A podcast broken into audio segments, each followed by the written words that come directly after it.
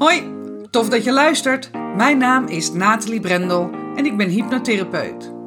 Ik vergelijk hypnose met hydraterende littekencrème. Smeer het op innerlijke littekens, die zijn veroorzaakt door trauma's, angsten en beperkte overtuigingen. En het litteken kan weer soepel worden. De pijn kan eruit. In deze podcast ga ik, naast hypnose, op zoek naar andere hydraterende littekencremes. Want wat is er allemaal te vinden in het alternatieve therapieëncircuit? Ik ga in gesprek met de beste specialisten. Hoe zijn zij met hun smeerseltjes in aanraking gekomen? Wat was het moment dat ze dachten: dit is te gek, hier ga ik in verder? En wat doet het precies? En ik spreek ervaringsdeskundigen. Waarom zijn ze juist deze therapievorm gaan volgen? En wat heeft het ze opgeleverd? Kortom, de verhalen achter de kremmetjes. Welkom bij Smeren met Brendel.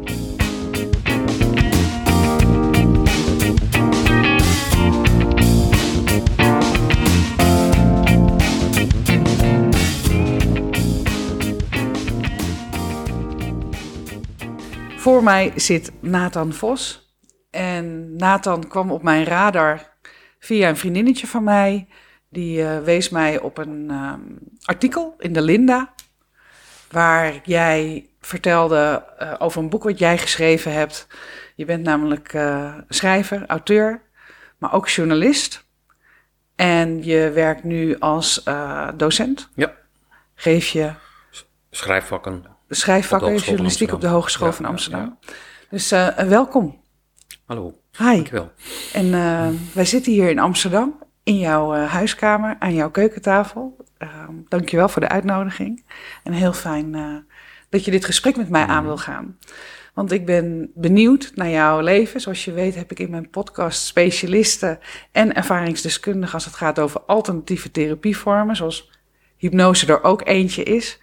En ik vind het super tof dat jij wil vertellen welke alternatieve therapievormen jij hebt gevolgd in je leven, wat ze voor je gedaan hebben. Um, en wat de momenten waren waarop je koos om ja, wat anders te gaan doen als um, heel veel mensen doen. Maar even terug, uh, Nathan. Je, um, we zitten nu in Amsterdam, maar waar ben je geboren? Wat is jouw. Uh, familie van origine? Waar kom je vandaan? Uh, dat is een heel verhaal. Uh, ik ben zelf geboren in Geldrop in het Sint-Anne ziekenhuis, dat is bij Eindhoven. Daar ben ik rond in die buurt ook opgegroeid op mijn zesde. Toen naar Arnhem uh, getogen. in een gezin uiteindelijk van acht, dus zes kinderen. twee ouders, waarvan mijn moeder uit Indonesië is gekomen naar Nederland, begin jaren zestig. Met haar gezin van herkomst natuurlijk, die weer half Chinees waren. Dus dat, die tak is er. En mijn vader is, uh, uh, hardcore, was hardcore Hollands, gereformeerd, Veluwe. En die, met, met dat gezin zijn we in Arnhem beland. Daar ben ik getogen opgegroeid. Toen ben ik in Utrecht gaan studeren, geschiedenis uiteindelijk. En ook gaan werken op de universiteit. Je gaat heel, je gaat heel hard. Ja. Je gaat heel hard. Ja. Wat even terug. Je ja. moeder komt uit Indonesië. Welk deel van Indonesië komt ze? Java. Uit Java, oké. Okay. En zij zijn hier naartoe gekomen? Ja. In de jaren zestig? Ja, dus mijn opa was Chinees en mijn oma was uh, half Indisch, half Nederlands. Ze waren christelijk. Ja. Uh, en dat ging eigenlijk prima tot de Tweede Wereldoorlog. Uh, toen kwamen de Japanners en die hadden het op de Nederlanders voorzien. Maar ook op de Chinezen. Dus dat werd problematisch. En na de oorlog werd dat eigenlijk niet uh, beter. Want toen hadden de Indonesiërs ook op de Chinezen voorzien. En de Nederlanders en ja. de christenen. Dus die hebben dat best pittig gehad. En dan ook weer vrij groot gezin van tien, waarvan er ook twee heel, heel klein zijn overleden.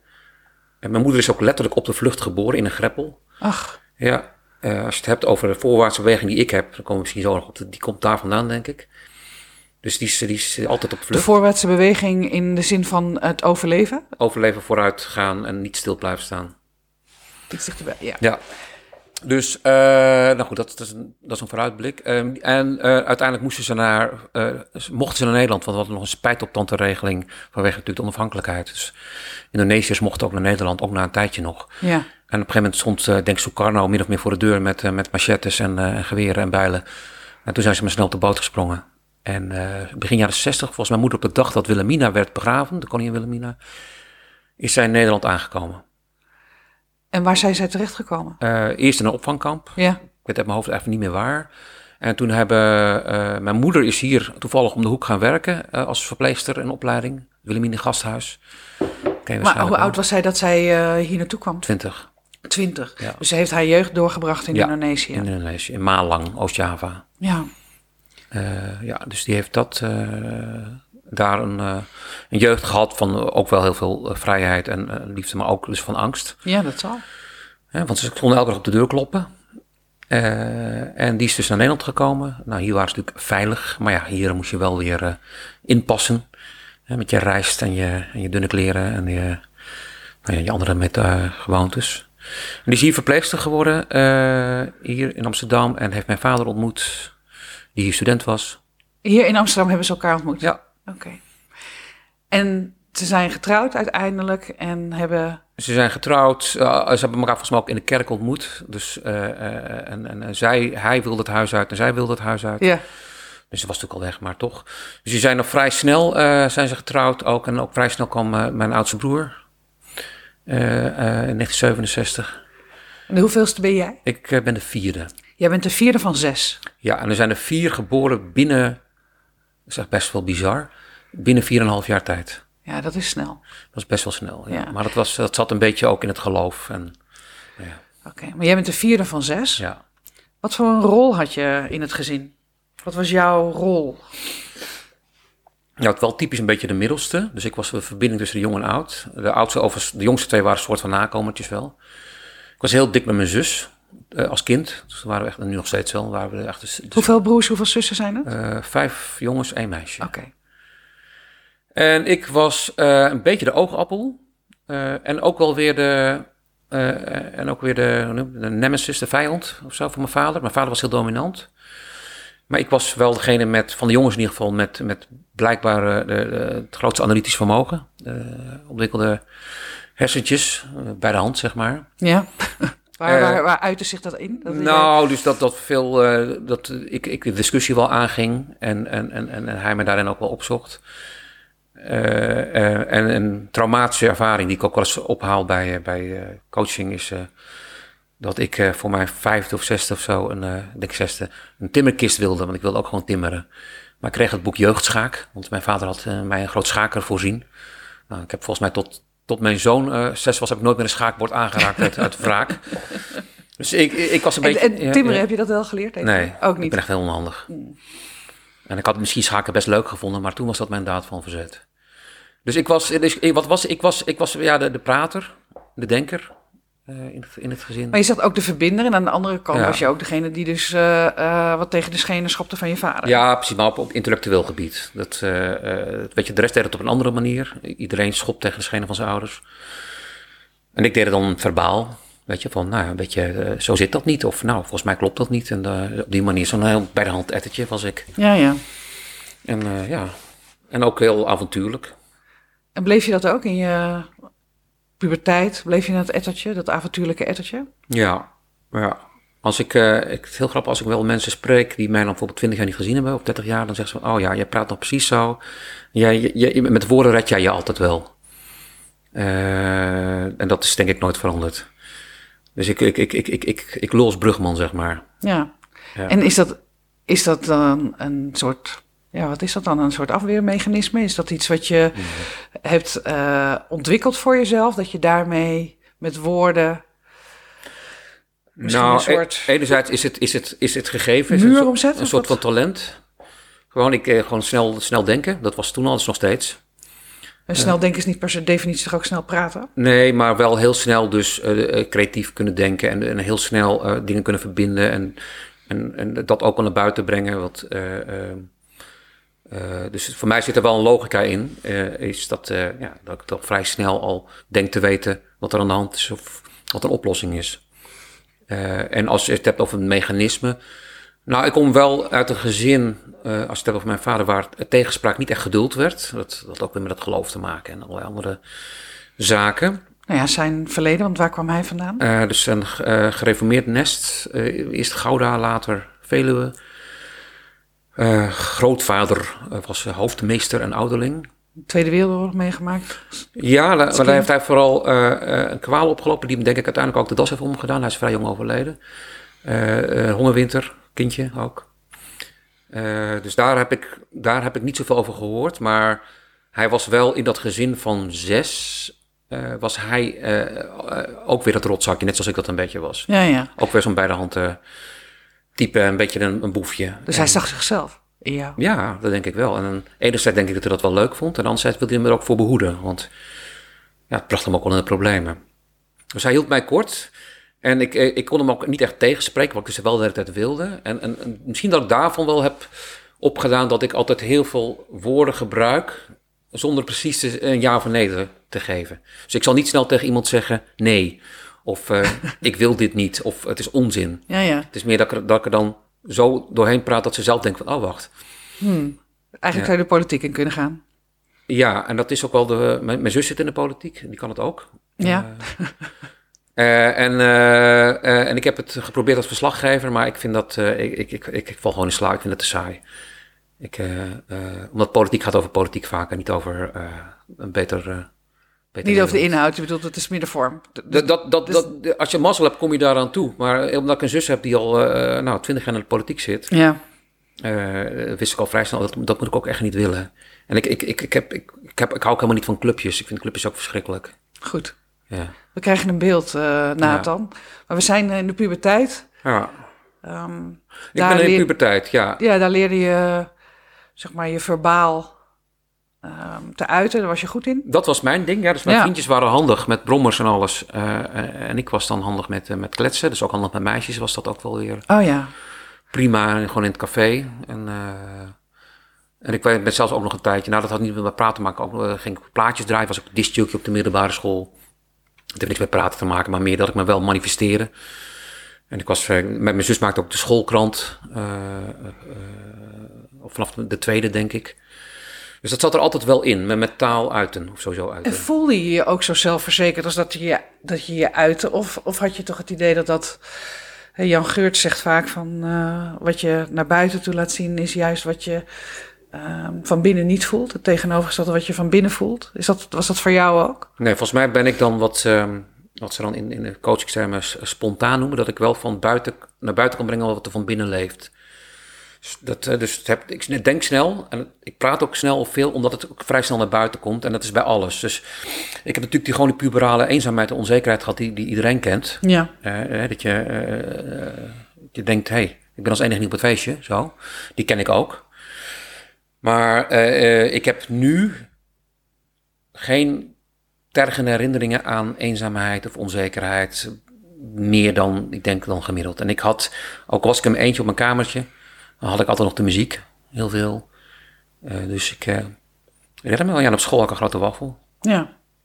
Thuis een grote wafel. Thuis op school een grote wafel, op mijn werk School- grote wafel. ja, eh, ja dus dat... Eh, heeft je ook natuurlijk van alles gebracht. Die grote wafel.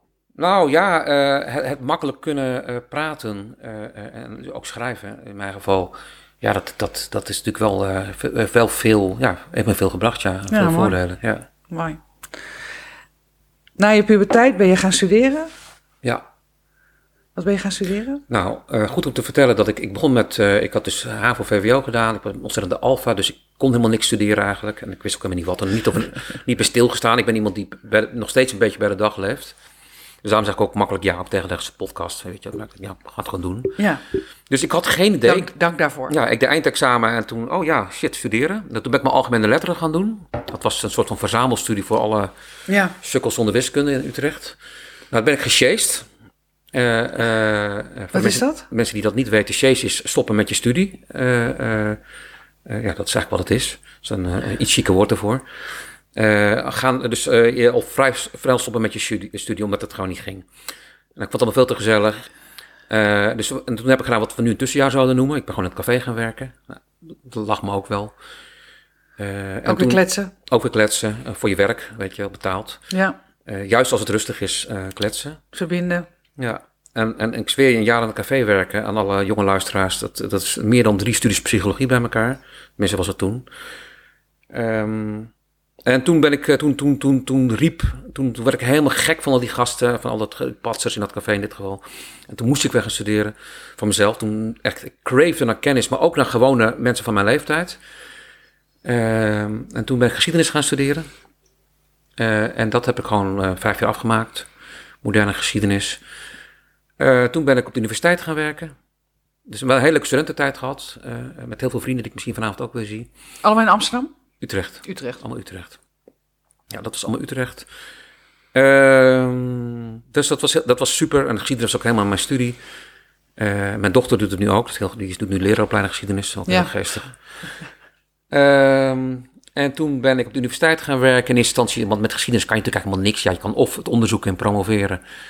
Eh, dat was ook nog een optie. Of eh, ja, beleidsmedewerker of zo. Of de diplomatieke dienst. Maar daar ben ik dan weer uitermate ongeschikt voor.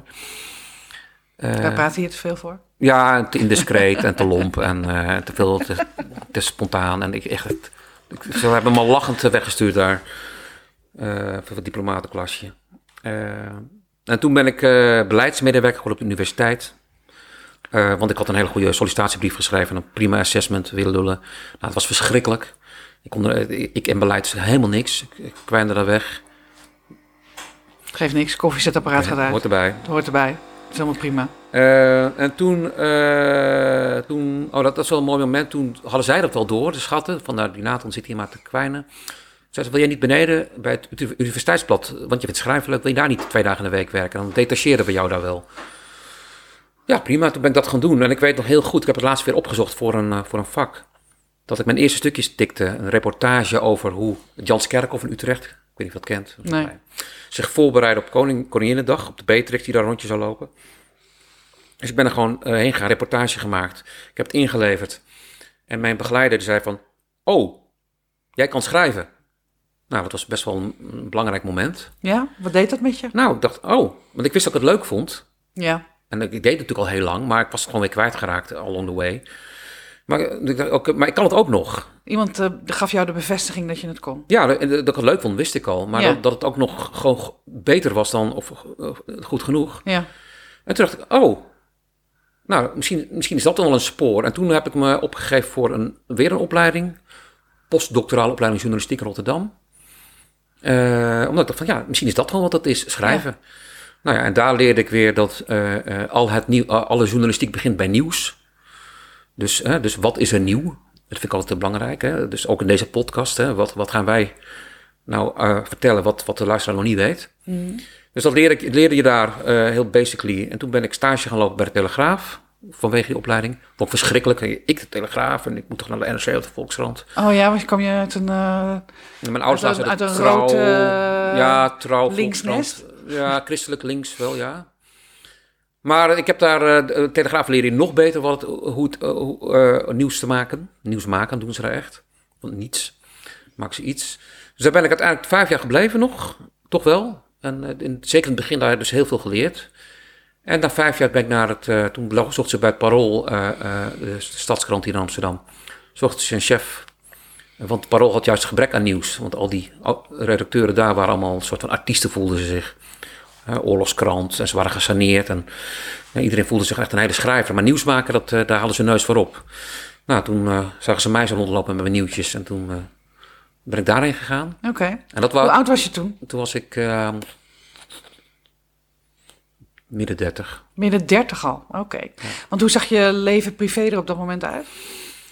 Even kijken, tijdens mijn studie word ik natuurlijk op kamers en op een gegeven moment eh, had ik wel wat relaties. Ik heb zeven jaar een relatie gehad tijdens mijn studie geschiedenis en daarna nog een stukje dus. En eh, toen even niet en toen in 2002 ben ik mijn huidige partner tegen het lijf gelopen. Toen werkte ik bij de Telegraaf. En nou, in, in, een jaar later was ze zwanger. En eh, eh, eh, nou, en, nog een half jaar later hadden we dit huis waar we nu zitten. En sindsdien zijn wij samen en hebben we twee kinderen. Dus ja, dat is niet, niet zo aan te vertellen. Nee, precies. Maar nou ja, in zoverre, je was dus een beetje gezetteld. Ja, ik had privé had ik weinig uh, sores. Ja, tenminste wat dat betreft. je werkte bij het Parool. Relatie, ja. Werkte bij het Parool en dat was echt de leukste. Nou, ik vind het nu ook heel leuk, maar het was echt de allerleukste tijd. Want ik moest elke ochtend, ik moest wel om vijf uur op, dat was wel pittig, en zes uur beginnen. Maar, ehm, en met twee kleine kinderen ook wel heel pittig. Maar ik moest daar, moest ik gewoon elke dag zorgen dat die krant vol kwam om Ja. voor half twaalf. En die krant moest naar de drukker. Eh, en dat wist iedereen. Dus die krant kwam vol. Ja. Dus iedereen deed wat ik wilde. Dus dat was heel relaxed eigenlijk. Vind je het lekker? Nou, het was wel fijn. ik ben daarna heb ik een andere functie daar gehad. En toen moest ik mensen gaan overtuigen om mijn werk te doen. Eh, nou, dat is met journalisten, dat kan dan nog wel een dingetje zijn. En, en daarvoor deed iedereen wat ik wilde. Want ja, eh, het zal wel, Nathan. Maar, eh, of, of ik kan het er niet mee eens zijn. Maar je hebt gelijk, die krant moet gewoon vol. Dus dat was, dat was Maar hoe bedoel je dan, die krant moest gewoon vol, maar dit- dit- toch wel met waarheden neem ik aan. Ja, met, eh, natuurlijk. Er moet geen onzin in staan. Oké, maar dit- dat lukt altijd wel. Maar je, bent, je wordt heel resultaatgericht, heel pragmatisch. Ja, dus je streeft naar de optimale krant met het allerlaatste nieuws en goede duiding en dergelijke. Maar ja, voor de rest moet die krant gewoon vol. En dan ja, tik maar een, een bericht over het fietspad, weet je. ja, ja. Eh, en, en, Als het maar nieuws is. ja, en, en of dat Als het nou- maar nieuwswaardig is. als het maar precies de misdaadverslaggever of van dienst of, of, of royalty was, nee, die hadden we niet, bij wijze spreken. En die had ochtenddienst, die ging dan dat berichtje tikken. Dat vond ze ook allemaal wel leuk. Dus dat, wat, dat was, en, en het waren gewoon hele li- leuke, lieve mensen ook. Oké, dus het was een mooie tijd. Dat was een mooie tijd, Goede tijd. goede tijd. En ik heb dat eh, al met al een kleine zes jaar gedaan.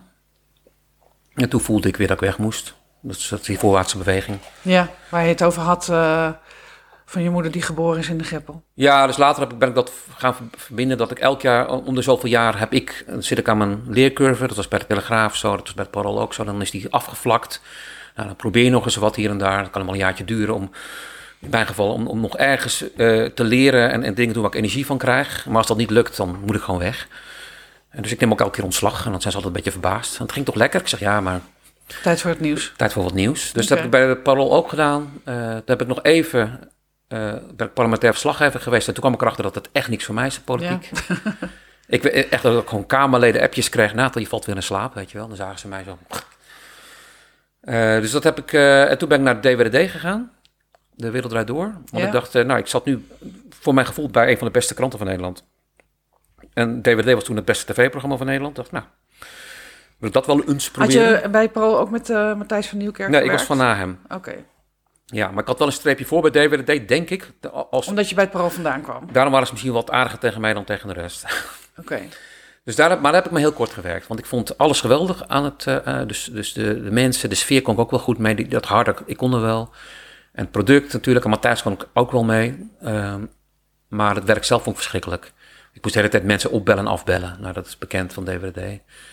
Weet je wel, dan had ik jou gebeld als expert en dan ging ik jou een beetje polsen en praten. En dan dacht je, wauw, kom op, kom op televisie. En dan ging jij naar de kapper en naar de make-up en in de taxi. En dan, dan kreeg je om half zes een belletje na.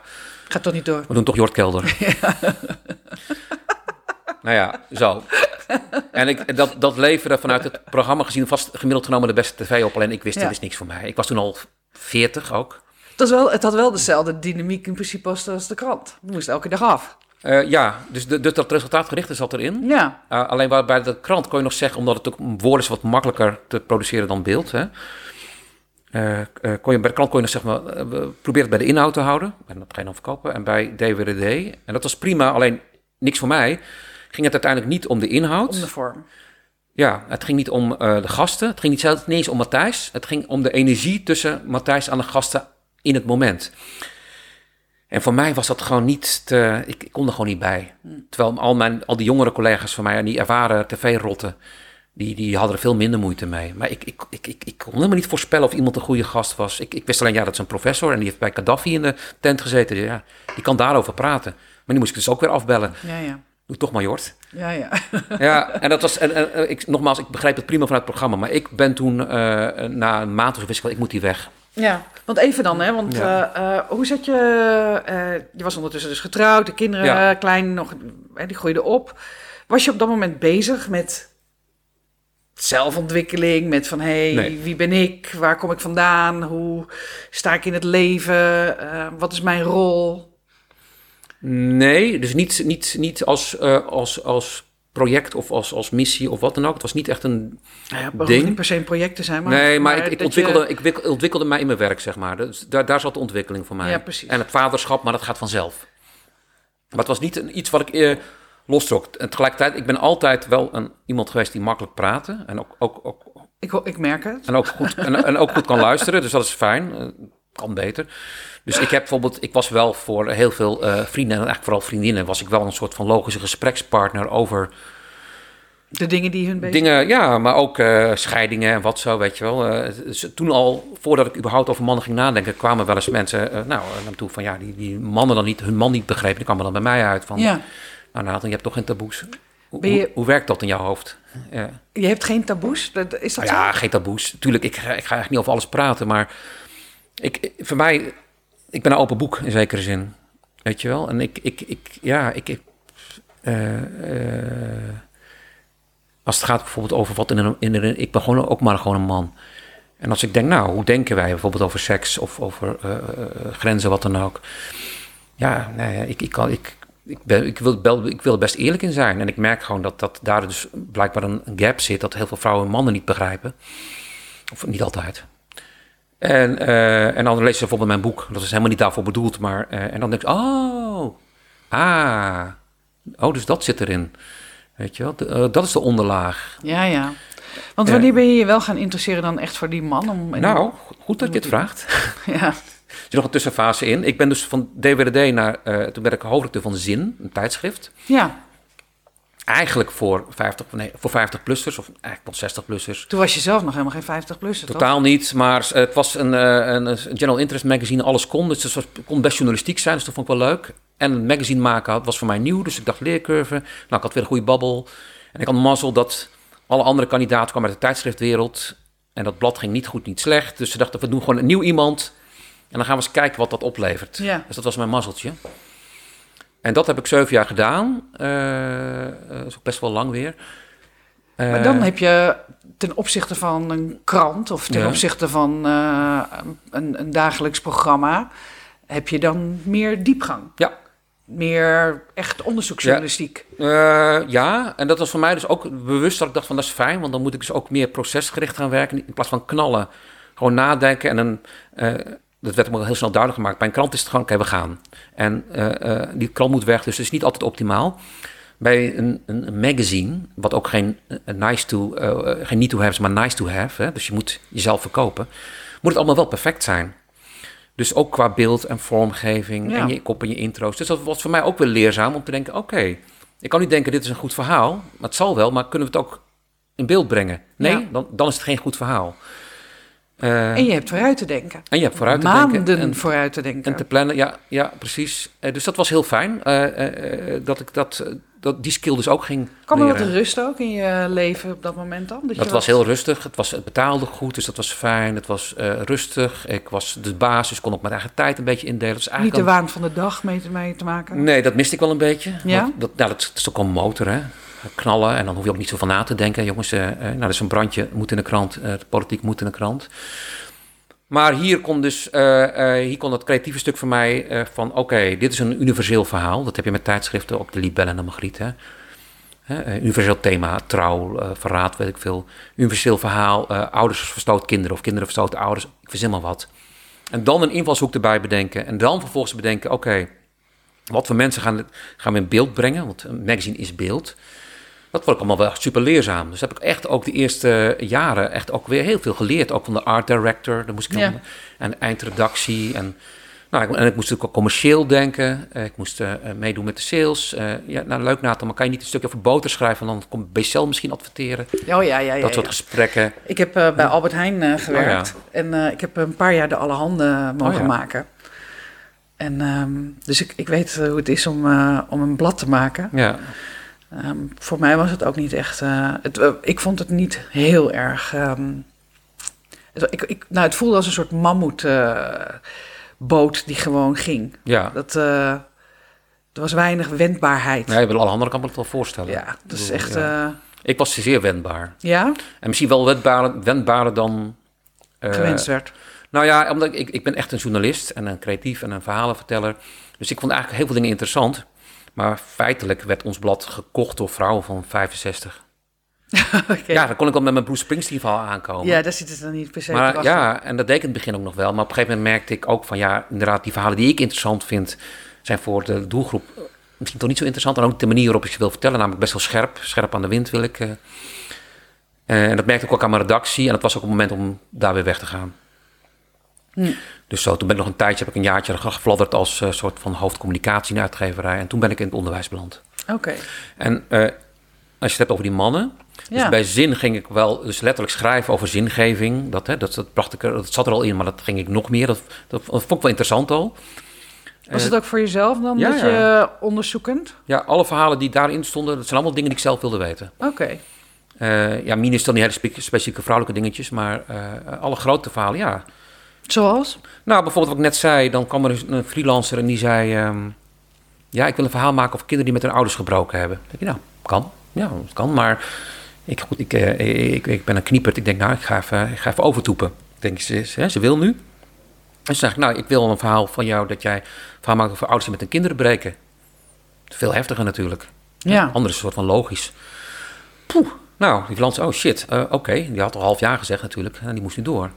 Weet je, en, en, en daar komt dan, en dat soort verhalen vertellen mij veel meer. Want dat gaat dan in dit geval, eh, dit is een voorbeeld van, dat gaat natuurlijk over eh, eh, vanuit liefde voor jezelf tegen, voor jezelf verraad plegen aan je kind. Wat ook heel heftig is. En voor jezelf kiezen en, en ook het loslaten. En, en, en ja, dat gaat vaak over verslavingen of, of, of, of, of ander gedrag. Mhm. Het voor lief nemen dat het mis kan gaan. Wat ik heel heftig vind. Ja. Nou, dat soort edgy verhalen zocht ik altijd wel op. Eh, eh, omdat ik dat zelf interessant vond. Ja. Nou ja, en toen, eh, dus ik werkte daar en ik maakte heel veel verhalen eh, over zingeving. Soms ook een beetje spiritueel. Vond ik allemaal wel grappig, mits ze leuk in beeld werden gebracht. Want ik, dat voelde ik wel dat die. Maar was dat spiritueel dat je, dat je dacht van ja, oh, het moet catchy zijn, het moet leuk in beeld worden gebracht, bladibla. Of was het ook iets dat je echt voelde voor jezelf? Nou, dat moest er samenkomen. Gebeurde dat? Ja, ja. Dus, eh, dus, dus dan, als we dan zo'n brainstorm hadden, dan hadden we wat, misschien wat, wat, wat, wat, wat Wat is dan spiritueel? Wat, wat, wat, wat- Nou, eh, bij wijze van spreken, eh, mediteren. Ja. En daar, dat kan je op de happiness manier doen of, of op de flow manier. En dat, is, dat, dat hoort daar. Dus dat is heel logisch.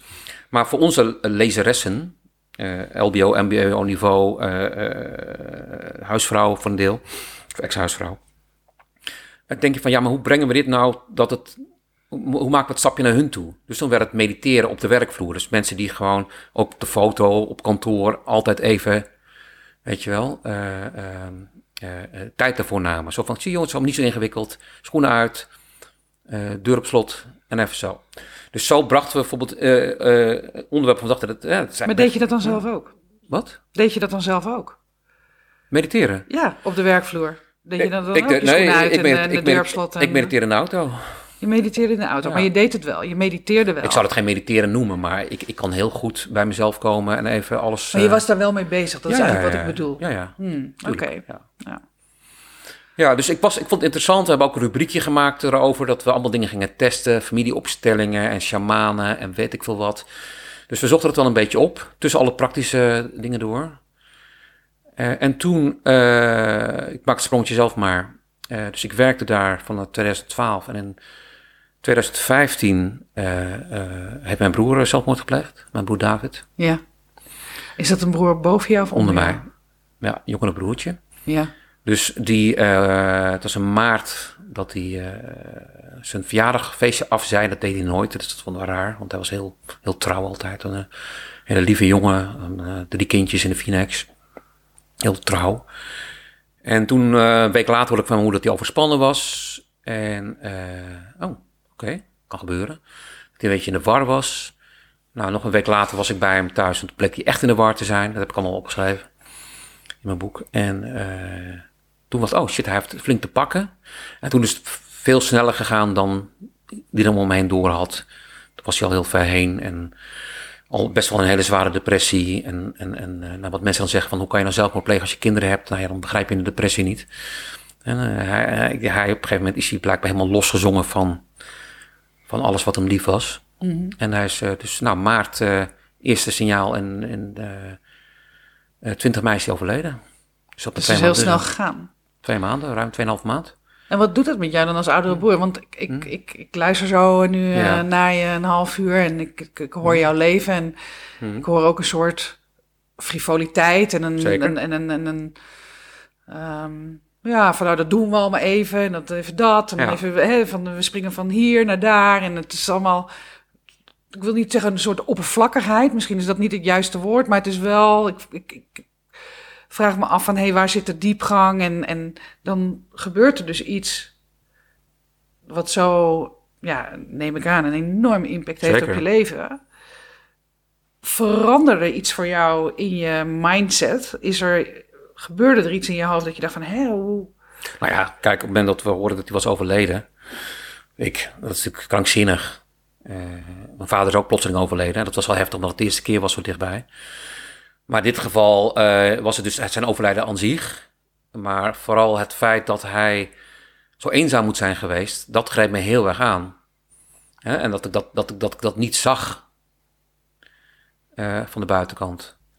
Was dat het? Dat jij het niet hebt gezien? Dat, is- dat wat je dan aangreep? Eh,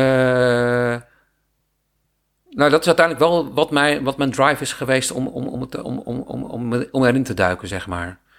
Dus wat is het in, in, in, in David dan, maar ook in mij en in andere mannen, dat wij onze, onze, onze verdriet en onze angsten zo goed kunnen verbergen? Eh, en, en, en, en, en, de, en de prijs daarvan is eenzaamheid. En de prijs van eenzaamheid kan natuurlijk eh, weer dood zijn. Ja. Eh, zelf, zelfdoding. Dus dat was voor mij toen, dus, toen was ik natuurlijk vooral broer eh, en, en, en, en oom. eh, en een zoon ook nog van moeder. Eh, dus dat was, eerst, eerst was dat er natuurlijk. Eh, eh, en, en, en, en het regelen en het, en het eh, zelf verwerken. En nou ja, wat er ook gebeurt natuurlijk als het zo verdriet zo dichtbij is, dan eigenlijk stroomt het dan ook. Niet dat je dat wil, maar het stroomt wel. Hè? Het, alles in jezelf. Heel veel tranen natuurlijk. Dus dat is ergens ook wel weer reinigend misschien. ja. Het, het ruimt ook wel iets op. Kwam je, want dat is dan ook. Je zegt net van. eh, dat heeft me wel aangezet. Hè, dat, wat ik net tegen jou zeg is dat ik. Ik, ik hoor een soort frivoliteit in, jou, Zeker. in jouw leven. En een, en een soort luchtigheid. Zeker. In ieder geval zoals je het vertelt. Dat dan iemand zo dichtbij die, waarmee je bent opgegroeid, waarin jij die, al die luchtigheid voelt Ja, ja. En, en, en frivoliteit, dat, dat, dat hij daar dan zo anders in heeft gezeten. Nou ja, ik denk dat wij heel lang aan, eh, voor een deel... eh, ik, ik ben gaan onderzoeken, want ik dacht, hij is niet zo anders als ik. Of waarom is hij dood en ik niet? Ja, precies dat, ja. En ik, dacht, en ik dacht op dat moment, we hebben heel lang toch hetzelfde leven gehad. We zijn toch broers, niet alleen dezelfde vader, dezelfde moeder, dezelfde broers, dezelfde zussen. Vrouw, kindjes, pap, pap, pap, we doen ons best. eh, houden van gezelligheid. Hij was ook een beetje oppervlakkig, maar anders. Ehm, en, en, en toen dacht ik van, wacht even. Is er nou iets gebeurd bij hem, van buiten, want van binnen weet ik het niet, eh, waar hij toch op een ander spoor is geraakt? En toen ben ik eens gewoon wat harder gaan nadenken dan, dan ik daarvoor deed. Dat ik, fuck, hij en mijn jongste broertje, die hebben de scheiding van mijn ouders heel bewust meegemaakt. Want die woonden nog thuis. En waar David eigenlijk moest uitvliegen, en dat had hij best gekund, want het was een leuke, knappe jongen. En eh, sociaal en handig en noem maar op. Moest hij in één keer eh, voor zijn moeder zorgen. Die, die, eh, voor mijn moeder dus. Eh, niet, niet in praktische zin, maar meer emotioneel. En voor zijn broertje. Want wanneer is dat gebeurd? Wanneer zijn jouw ouders De gescheiden? scheiding was 1994, zoiets. Want hoe oud was jij toen? Ik was toen 2, 23 en ik was lekker aan het feesten. Ja, precies. Want net in jouw hele introductie eh, over hoe jouw leven tot Mhm. nu toe eh, verlopen is, is en de scheiding van jouw ouders helemaal niet besproken. Was voor mij ook helemaal het, geen het ding. overlijden, overlijden van je vader was ook niet zo'n ding, achteraf niet. Nee, nee. Ach, Dus op het moment zelf dat mijn vader overleed, was het natuurlijk heel heftig. Maar tegelijkertijd, we hadden er ik in ieder geval vrij snel vrede mee. Van ja, het heeft zo moeten lopen. ja, blijkbaar, want je hebt het niet eens genoemd net Nee. in, in, in de hele introductie. ik zou dat eh, ook niet in een, in een tijdlijn als, als soort van hoogte- of dieptepunt. Ik zal het wel neerzetten natuurlijk. Ja, Maar niet als, eh, als eikpunt of zo. oké. En ergens denk ik ook, maar dat is natuurlijk meer denken van ja, maar ouders horen ook te overlijden, vroeg of laat. Dat is zo. Maar daar, Ja. daarentegen kan dat nog best in het verhaal wat je Ja, eh, ik- vertelt aan de nou ja, ik- kan dat een onderdeel zijn. En dat is het dus gewoon niet geweest. Nee, ik, ik, heb, ik, ik had niet echt beef met mijn vader. Ik niet. Eh, weet je wel, nou goed, oh, eh, misschien omdat wij elkaar juist inderdaad begrepen hebben, waar we het begin over hadden. Ja? En, maar dat, nu maak ik een stapje en dan kom ik er nog zo meteen weer terug. Ik, qua alternatieve therapie. Uh, dit is wel een heel groot stapje, maar ik heb een MDMA-trip gedaan, begeleid, met een masker op en alles. dat is of alternatieve therapie. En toen was mijn vader daar in mijn... Uh, maar heel even, want anders dan, Dan, dan raak ik je kwijt. Want wanneer heb je dat gedaan? Ik ben onderzoek naar... Oké, dus in het onderzoek naar het overlijden van je broer. Je broer heet... Hm? Hoe heet je broer? David. David. In het onderzoek, naar, in het onderzoek ja, goed dat je zegt, onderzoek naar maar wat was het? Maar even terug, want, uh, zodat we het allemaal begrijpen. Voor mij was heel eventjes van: hé, hey, er gebeurt dus van, eigenlijk van alles in jouw leven is er gebeurd waar je nu in vogelvlucht overheen bent gegaan en niet hebt genoemd. Dan overlijdt jouw broer in 2015 door zelfdoding. Ja. Dat, wat je zegt, gaat stromen. Dan wat, wat gebeurt er? Jullie hebben, je zegt van: ik heb dezelfde jeugd gehad. Waar is het van buitenaf ja. is er veranderd voor hem. Ja, laten we daar naar terug gaan. Ja, precies. Die strip moet zo wel. Ja, precies. Vergeet hem dus niet, dus dat is wel leuk. Nee, zeker niet. Want daar gaat, het, daar gaat de podcast over. Precies. Maar dat we, hè, dus dat je zegt van, hé, hey, maar wat is er dan gebeurd bij hem dat hij een ander pad is opgegaan dan ik? Want hij was ook in zijn frivoliteit en... en ja, ik, en dat ben je gaan onderzoeken. hij heeft die scheiding meegemaakt. Uh, hij heeft een het was bij ons wel vaker onveilig thuis en daar. Ben je, heb je ook niks over verteld? Vind ik ook wel wat van, maar uh, nou ja, mijn vader was dus dominant en, en daar heeft, hebben we allemaal min of meer last van gehad. En, mm -hmm. en, en, maar hij, hij en mijn jongste broertje nog in, in het, het meest. En wat zij hebben gezien is eigenlijk een ouders die van een voetstuk vielen. Dat hebben ze meegemaakt. Eh, eh, dus in, in, in, in vormende jaren, goed, het zijn allemaal vormende jaren. En, Zij vonden zelf dat hun ouders van het voedsel... Nee, ik denk, ja, ze hebben het gewoon ervaren. Ik, ik vul het nu voor ze in. Uh, maar we hebben het er nooit over gehad. Maar ik weet zeker dat mijn vader was niet op zijn best tijdens, voor, tijdens en na de scheiding. En was zeer onbetrouwbaar. En, en, en, en, en, ja, en hij was eigenlijk niks meer.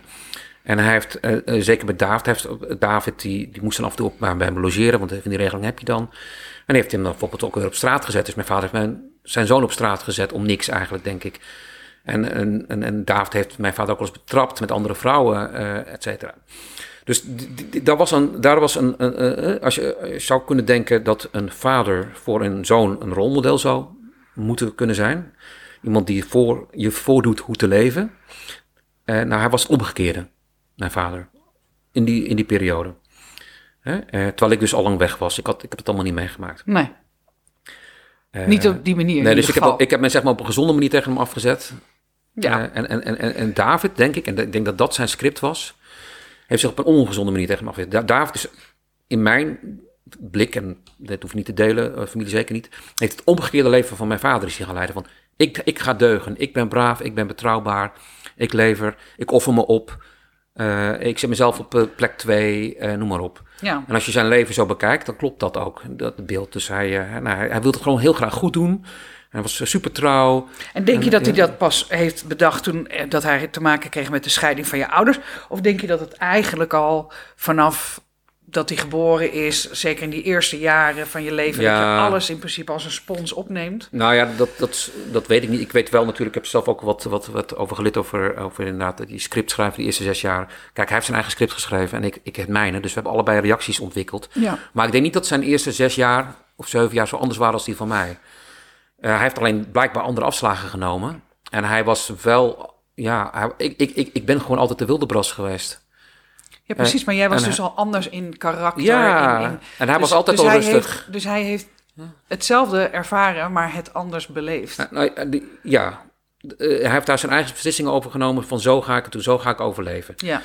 Maar wat bij hem dus is gebeurd, denk ik, is, is die scheiding in zijn puberjaren. Dat dat de scheuring was. Als, als er die niet was geweest, dan uh, had hij... Uh, uh, dan was het misschien anders gelopen. Ja, en ik denk dat hij uh, een ander leven heeft, dat hij een soort omgekeerde leven wilde leiden van mijn vader. En dat, ja, dat mag gewoon, dat is alleen niet je eigen leven. En ik denk dat, en dat hij er op zijn veertigste, toen is hij overleden, dat hij ergens de rekening heeft gekregen in de midlife. En wat heeft, me nou, wat heeft me dit nou opgeleverd? Dit zo leven. En niet letterlijk natuurlijk, dat hij niet zo gedacht heeft. Maar ik ben nog steeds aan het ploeteren. Mm. En wat krijg ik ervoor terug? Ja. Uh, en ik denk dat dat een ding is wat, uh, waar ik veel mannen voor wil waarschuwen. Ja, want uiteindelijk, je bent hè, na dat verdriet, na het overlijden van je broer. Wat was voor jou het moment dat je dacht bij jezelf van ja, ik, ik heb hier gewoon meer over te weten. Ik wil dit onderzoeken. Dus ik na een wil, jaar ongeveer. Ik wil voelen wat dit, Ja. wat dit, wat, wat dit nou inhoudelijk Ja. heeft betekend. Dus, dus, dus, eh, ik had de eerste pagina's van die nu ook zo in het boek staat, had ik geschreven op de dag dat hij overleed, s'avonds. Want ik, ik was toch al van plan die dag te beginnen met schrijven. Nou, toen overleed hij, dacht ik, nu moet ik wel. Oh, serieus? Je was van plan die dag te beginnen met schrijven? Ja, nu ben ik dat wel vaker van plan, maar toen was ik het echt van plan. En je moet het maar lezen en dan snap je wat ik bedoel. Ik heb het gelezen. Oh, nou ja. De eerste pagina's die zijn echt letterlijk geschreven op die dag. Ehm, en, eh, dus die lagen er. En, nou, niet met de bedoeling nog iets mee te doen. Na een jaar ongeveer, toen was ik een beetje uit, die, uit, uit, uit de shock, uit de rouw. En, en alles liep weer zo'n beetje, weet je wel. Ik hoefde ook niet meer tijd bij hun te zijn. En toen dacht ik, ja, nou, wat net, waarom hij wel en ik niet? En daar, ik ben journalist. Eh, dus ik dacht, nou, als ik dan toch iets moet verwerken, moet ik dat schrijvend gaan doen en onderzoekend. Dat is dan mijn route. Iemand anders gaat de schilderij eh, maken, een Ja. ander gaat de Camino lopen. Ik zo. En toen, eh, en toen, toen ging ik naar de cijfers kijken. En, en dat heb ik al vaker verteld. Maar het eerste wat mij opviel is, dus, hey, mannen twee keer zo vaak zelfdoding als vrouwen. Oké, zwaar, dat is een feit. Maar waarom is dat niet, maakt niemand zich daar druk om? Waarom zegt niemand, hey, wat raar. Waarom is dit een fact of life? En dat, dat vond ik ook in morele zin wel iets van. Want toen dacht ik van, hé, hey, is een mannenleven dan misschien minder waard of zo? En zo ja, wie vindt dat? Nou ja, en dat was eigenlijk het startpunt. Ik nou, ik ga, ik, ik ga maar eens onderzoeken. Ja. En, en, en wat zit er dan in? De aanname is bij mij dan geworden van... Ja, dat mannen misschien ook zelf eh, eh, eigenlijk hun eigen leven eh, misschien niet zo heel veel waard vinden... en weinig zelfliefde hebben, et cetera. Nou, en dat ben ik gaan onderzoeken. En op instigatie van mijn schoonzus, die natuurlijk niet echt zat te wachten op, op wat ik ging doen... heb ik elf weduws, andere weduws geïnterviewd. Zo, nou, ook, ook boten bij de vis, casussen, want ik kan wat dingen bedenken... Maar ik- ja, ik, wil ook, ik moet ook gewoon weten wat er gebeurd is. Dus toen heb ik elf verhalen opgeschreven van... Vanuit vrouwelijk perspectief. Vanuit ja, ja, dus van hoe zij hebben meegemaakt dat hun ogenschijnlijk geestelijk gezonde man ineens eh, een verkeerde afslag nam. Of ineens vrij snel in ieder geval. Eh, ja, zij waren het dichtst bij. Dus ik zou, ja, vrouwelijk perspectief, zij, zij waren er het dichtst bij. En ik wist ook, dat wist mijn uitgever ook, van, ja, mannen gaan het boek niet lezen. Dus je schrijft het toch voor de vrouwen. Is ja, dat zo? Ja, nee. Waarom zou je een boek gaan lezen waarin staat, joh, kijk uit. Het gaat niet zo goed als je denkt. Dat ga je natuurlijk niet lezen. Ja, ik weet het niet. Nee, ja, dat blijkt. Dat wisten Oké. wij van tevoren. Vrouwen zijn zo meer geïnteresseerd in andere mensen. Eh, kijk in zelfhulpschap. Wie koopt er nou dat soort boeken? Eh, dus dat was oké. Eh, dus ik heb inderdaad elf weduws geïnterviewd. En daartussendoor heb ik nou, veel zelfonderzoek gedaan. En ook heel veel experts gesproken. En wat alternatieve therapieën Ja, om, geprobeerd.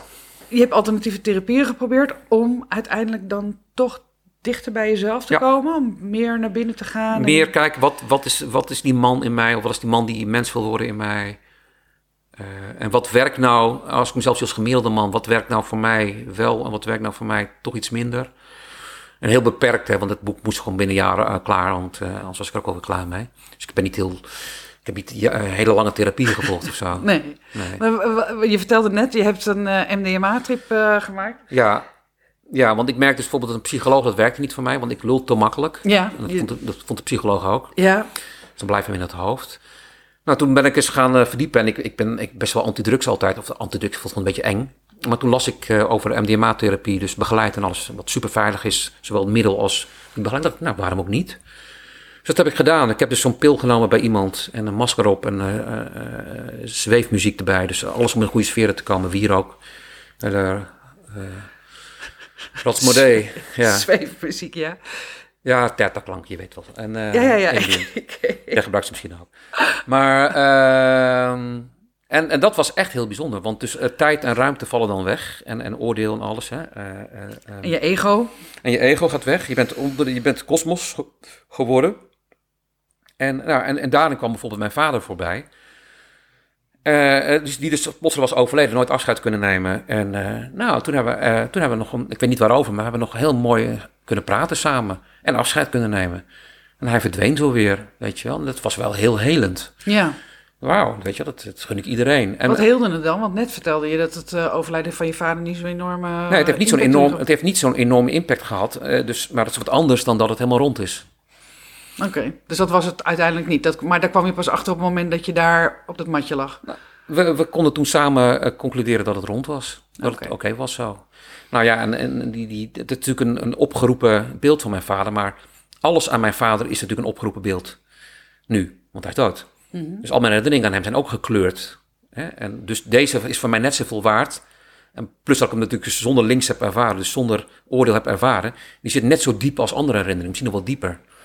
Die ervaring met hem. Ja, Maar ik heb ook de dood van David kunnen herbeleven. Zowel vanuit zijn perspectief. Nou, dat kan natuurlijk eigenlijk helemaal niet. Niet- dat is gewoon veel te heftig. Hè, ik, ik, ik ben dus in zijn huid gekomen terwijl hij Ja. die beslissing nam. Eh, of beslissing, het kwam, eh, of kwam. En ook die van zijn vrouw. Dat, dat kan dus met, met, met, met- Ja, ja, ja. door MDMA. Omdat je Mooi, dus, mooi. van PTTS, omdat je dus... Dat oordeel, je kan met liefde kijken naar de meest verschrikkelijke dingen. ja. Nou ja, dat, dat vond ik echt, dat gun ik iedereen. ja dat snap ik. Ja. Want wat heeft het je veranderd in, ehm, nou ja, in dat moment? Ik bedoel, ik Ja. kan me voorstellen dat het enorm eh, ehm, impact maakt. Hè, als je dan daar weer uitkomt dan wat je beleefd hebt. Ja, ja en het duurt, het, du- het, het duurt eh, heel lang hè, voordat het indaalt. Ja, precies, want dat Ja. is mijn vraag. Hè. Ik, ik, ik ben eh, bekend met plantmedicijn en dergelijke, dus ik, ik begrijp waar je Ja. vandaan komt. Hoe heb je dat ook kunnen implementeren in je dagelijkse, frivole, snelle doorzettersleven?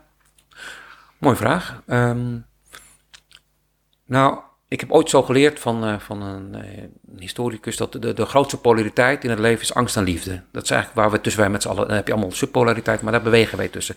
We treffen ze aan, ze zijn er allebei. Je hoeft er niks van te vinden, ze zijn er. En als ik met die trip werd, zag, als het ware, eh, angst werd uitgeschakeld even. Dus eh, oordeel, zeg maar, om de grip op de wereld te krijgen, alleen liefde was er. En wat ik sindsdien veel dieper eh, uit ervaring kan meedragen en uiten, is dat je ook de keuze hebt om, om, om uit angst te handelen of uit liefde. En, en, en, je treft ze nog steeds aan en, en, en, en ze horen er allebei bij. Ze kunnen niet zonder elkaar. Maar soms heb je wel de keuze. En ik heb wel eens bijvoorbeeld gesprek ook met mijn partner en met andere mensen. Dat ik, eh, dat ik zeg van ja, ik, ik, ik, ik, ik, ik, wil me wel aanpassen bijvoorbeeld, maar ik wil dat alleen uit liefde doen, niet uit Ja. angst. Dat is een bewuste keuze die je dan maakt. Dat is een bewuste keuze die je dan maakt. En hoe dat- voelt dat voor je om nou, dat, bewuste keuzes dat voelt dus heel veel fijner. Dus dan zijn je keuzes ook veel autonomer. Ja, Als je denkt, oké, waar maakt, maakt deze keuze angst? Kan, is niet erg per se. Soms is het nodig. Hè? eh, eh, sla ik linksaf of rechtsaf. Maar er zijn ook vooral de grotere vragen. Dus ook als het gaat over mijn werk en, en, en mijn relatie en mijn vriendschappen. eh, eh, en ook, ook, nou, het is niet de grote keus, maar dat we hier zitten. Ik kan tegen jou zeggen, uit angst, nee, kom maar niet, want misschien wordt het wel geen leuk gesprek of het kost me tijd, wat dan ook. Maar dat werkt helemaal niet. Ik kan ook denken uit liefde van, nou, we gaan gewoon zitten in het moment. En wat er komt, dan komt het. ja, Weet je wel? En, en, en in die zin werkt het door en brengt dat veel rust. Eh, want ik, ik, en, dat, en rust is voor mij wel handig, want ik ben al zo sneller denken. Maar met die rust erbij, dat is een wel een leuke combinatie. ja. Ook voor mijn coaches bijvoorbeeld. En met mijn coaches, hè, met mijn, met mijn, klan- mijn klanten, probeer ik ook altijd eh, eh, vanuit liefde te kijken naar de shit waar ze in denken te zitten. Hè, wat, wel, wat wil dit feit of dit jou nou vertellen eigenlijk? Wat wil het zo graag ja. van jou? Want, want je bent dus, je hebt dat boek geschreven, Ja. Man oh Man heet het. Ehm, aanrader. Dankjewel. En je hebt nou, die MDMA-trip gedaan, maar ook familieopstellingen, Ja. zeg je? Vond ik ook zoiets wonderlijks. Ja, Ja, ja dat, nou, dat, dat helpt daar ook bij. ja, Want familieopstellingen is natuurlijk systemisch werk. Dat, dan kijk je, dat is eigenlijk hetzelfde. Je kijkt op de onderlaag naar wat verbindt. Ja. Hè? Op de bovenlaag analyse kijk je wat, wat onderscheidt. Nou, dat is ook belangrijk. Mhm. Maar op de onderlaag kijk je nou naar wat nou verbindt. En, ja, en als je dat dan in zo'n opstelling doet, dus eh, al dan niet met mensen, dat is natuurlijk wat heftigste, met de representanten en alles. ja. En dat je het dus ook echt letterlijk ziet. En dat je het ziet en, voelt en, en, en dat het gewoon gebeurt voor je neus. Dat Ja. is een magic, daar moet je echt bijwezen. Bijna Ja. niet uit te leggen. Ja, Eh, dat, dat, dat is een beetje hetzelfde soort ervaring als een MDMA-trip. Natuurlijk iets, iets, iets meer ook van wel met het, met, met het hoofd. Het integreert misschien wat minder heftig, maar het is prima. Maar eh, als je dus dan ziet wat de, wat de, wat, wat, wat de stromen zijn die, die ons allemaal verbinden. en, en dat we eigenlijk in, tussen ouders en kind, dat er eigenlijk altijd hetzelfde verhaal rondgaat. Hè? eh, en ouders en, grootouders en broers en zussen en waar het dood is. En ja, dat, dat, is, dat is ook eh, ben ik ook wel heel erg uh, door gegrepen. Ja, dat snap ik. ik. Ik zou bijna voor mijn lol el, nou, elke week te filmen, elke maand wel een opstelling willen doen. Ook gewoon als representant. Ja, precies. Ja, ik herken dat. Ja, Ik, uh, ik heb daar ook echt heel veel uh, ja. van geleerd. En ook heel veel berusting door gekregen. Ja. Dat je ziet dat de dingen zijn zoals ze zijn. En ook vooral wat niet van jou is. Ja, wat niet van jou is. Dat vond ik uh, echt uh, enorm helend. Ja, dus dat is voor mijn moeder. Hè, dus die, die, die, die, die, die beweging, de voorwaartse beweging, die zij, wat ik denk, uh, uit, haar, uit haar kinderjaren heeft meegenomen al op vlucht. Ja. Nou, die kon op een gegeven moment ook een haar teruggeven. Van oké, okay, dank voor die voorwaartse beweging. Het heeft mij veel gebracht. Hè? Ja. Maar die is eigenlijk van jou. Ja, het is niet van mij. Het is niet, niet van mij. Dus, dus ik, ik, hoef niet. Ik mag ook stilstaan. Ja. Nou, en lukt dat nu meer? Stilstaan? Ja, ja, ja, zeker. Soms iets te veel, vindt mijn echtgenote. maar, uh, uh, en het is, het is vallen opstaan. Maar uh, ik ben nu veel meer van bewust waarom doe ik iets.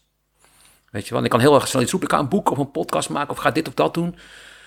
En als ik er dan nu denk, ja, ik ga het gewoon niet doen, dan heb ik er ook veel meer vrede mee. Of hè, dan ga ik eerst maar eens nadenken waarom en hoe. En ik zeg, nee, ja, ik neem wel tijd om te beginnen. hey, en Nathan, want um, je zegt van uh, je coaches, dus dat betekent dat je coacht ja. nu. Wat is dat uh, voor een beweging voor je geweest? Wat, heeft daar, wat is daar de achterliggende reden voor? En wat, wat brengt het je en wat geef je ook vooral? Ja. Nou ja, het begon natuurlijk met mannen. Dat ik denk van, oh, er zit er echt wel een boelman in de shit. Kijk naar de cijfers. Ja. En die zoeken blijkbaar geen hulp. Kijk naar de cijfers. Uh, dus uh, kan ik er voor hun zijn. Dus daarom heb ik ook een coachingsopleiding gevolgd. Nou, en dat denk ik wel. Uh, want ik ben ook een man. En ik kan misschien beter ze helpen onder woorden te brengen. Of uit te pluizen wat er allemaal speelt. Dan ze dat zelf kunnen als ze er middenin zitten. Dus daar is ik een beetje bij begonnen. En dan inderdaad ook kennis halen uit, uit systemische bijvoorbeeld. Ja. Ja, en wat ik breng is uiteraard wat een coach doet, uh, het wat lichter maken. Uh, dat is eigenlijk het enige wat we te doen hebben. Uh, ze, ze helpen het dingen uit elkaar te trekken. Dat doe ik met mijn studenten ook. En, en, en vanuit het idee van, oké, dus dit en dat is er gebeurd. En hoe, wat leert jou dat? Of wat, wat vraagt dat van jou? Hoe is dit jouw raadgever? Dus ook weer zonder oordeel Kijk, wat wil dit nou tegen jou zeggen? Ook dit deel van jou. En wat mag er ook zijn? En, en wat ik dan doe, uh, daar kom ik nu achter, want ik doe ook maar wat. En blijkbaar werkt dat voor mij, is heel veel met verhalen werken. Dus echt ook, nou, zoals jij misschien met hypnose doet, een beetje transachtige situaties. Ik zeg, nou, dus oké, jouw vader wilde dit en dat van jou. Wat voor dier is jouw vader? En wat doet dat dier, et cetera. Nou, dat is op die manier... Metaforen. Metaforen, waardoor er echt ruimte ontstaat. Er komen openingen, het, het, het, het verbreedt zich bij de coachie. Er komt permissie. Oké, als, het een, als het een sprookje wordt, dan, dan mag er van alles... en dan kunnen er ook dingen gefixt worden. Ja. En wat dan ook. En ik, ik zie gewoon letterlijk in het moment... dat daar heel veel energie en vrijheid komt bij ze. Uh, uh, als ze zo vastzitten in wat wel en niet moet... en dan kom ik met Oké, maar goed, je vader is een geit. Wat ben jij dan? Weet je wel? En dat is leuk. En dan kan je binnen een uur kan je echt best wel mooi werk doen. Mooi. Ja. En werk je alleen met mannen? Nee. Nee, want uh, ik, ben, ik begin net. Dus ik, uh, ik, ik ga me niet excluderen. Uh, ik, die, die, die zijn van harte welkom. Ja. maar als er er zijn ook vrouwen en uh, waarschijnlijk met de vraag, uh, hoe werkt dat bij mannen? Nou, prima. Okay. Kan ik ook wel wat mee. Ik zal je gegevens in ieder geval in de show notes ja, ook, uh, zetten. Dus, ja, want ik wil ook meters maken. Dus ik, contact ik, met jou ja, ja. willen opnemen, dan, um, dan kunnen ze dat zeker op die manier ook doen. Wat ik eigenlijk als laatste vraag, want um, we, zijn, we zitten in de afrondende fase. Wat ik eigenlijk als laatste vraag aan jou zou willen stellen, wat, wat zou je mannen die in de shit zitten, zie de cijfers, die het gevoel misschien hebben van hé, hey, um, er is geen hulp of ik ben daar, uh, dat, dat heb ik niet nodig of dat, uh, ik heb het misschien wel nodig, maar ik ben uh, geen softie of wat dan ook. Of die denken van hé, ik, ik zoek het wel in de antidepressiva. 1,2 miljoen mensen zitten aan de antidepressiva of aan zware pijnmedicatie of ik verdoof mezelf met, weet ik veel, drugs, drank, porno, noem het maar op. Wat zou je hen willen meegeven om toch die handreiking te kunnen doen. En ja, in ieder geval gesprek aan te gaan en, en, en te kijken van hey, waar kan je voor jezelf dingen oplossen, zodat je niet, zoals je broer David, mhm. eh, in al die eenzaamheid zo'n uh, desastreuze keuze hoeft te maken. Wat het allerbelangrijkste denk ik is, is dat je als man, als mens uh, uh, beseft, inademt, accepteert, viert eigenlijk dat je niet gemaakt bent om het alleen te doen. We zijn zoogdieren, we zijn niet gemaakt om het alleen te doen. Zo werkt het niet. Nee. We hebben allemaal aanraking nodig. En dat is onze diepste beweging ook. Aanraking zoeken, geven en krijgen. En dat wil niet zeggen dat je niet dingen alleen mag doen of moet doen. En dat alleen doen ook tof is. Hè. Het geeft ook wat. Maar als een man al begint met, met, met van... hé, hey, ik heb ook recht op aanraking. Ik, ik, ik hoef het niet alleen te doen, wat het ook is. En dat begint al mee. Dus ook uit dat of-of denken stappen, dat analytische stukje. Het is of dit of dat. Als, ik, als ik dit doe, ben ik een verliezer. Als ik dat doe, ben ik een winnaar. Nee, uh, uh, uh, zo werkt het eigenlijk helemaal niet. dus ik heb een theorie... De, ik noem dat de eerste polariteit van de man... dat de man altijd van onmacht naar macht gaat. die voelt zich onmachtig en die wil macht, want dan mag hij er zijn... Hè, zie alle dictatoren, maar ook alle kunstenaars, et cetera. En om het daarvan bewust te zijn van, wacht even, ik zit nu, waarom doe ik dit? Ik zit weer in polariteit. hey, wil ik dit echt wel zelf? Of wil ik omdat ik denk dat het van me gevraagd wordt? Zo heurt. Zo heurt. Of van in mijn rol als partner of als werknemer of als wat dan ook. En kom dan bij jezelf. En daar heb je dan het lijf natuurlijk voor nodig. En uh, nou, sport is natuurlijk prima, maar er zijn veel andere manieren uh, om, om ook het lijf. En het lijf gaat je zoveel vertellen. Ja. En wij mannen hebben het niet wat vrouwen hebben. Namelijk een lijf dat je vertelt hoe laat het is. Dat hebben wij niet. Dus we moeten het echt zelf uh, gaan uitzoeken. Nou ja, dus ga sporten, ga dansen, ga wandelen, ga klussen, ga wat dan ook. En treed in verbinding. En voel. Ja, door dat lijf ga je voelen. Het lijf, dat, dat vertelt het wel.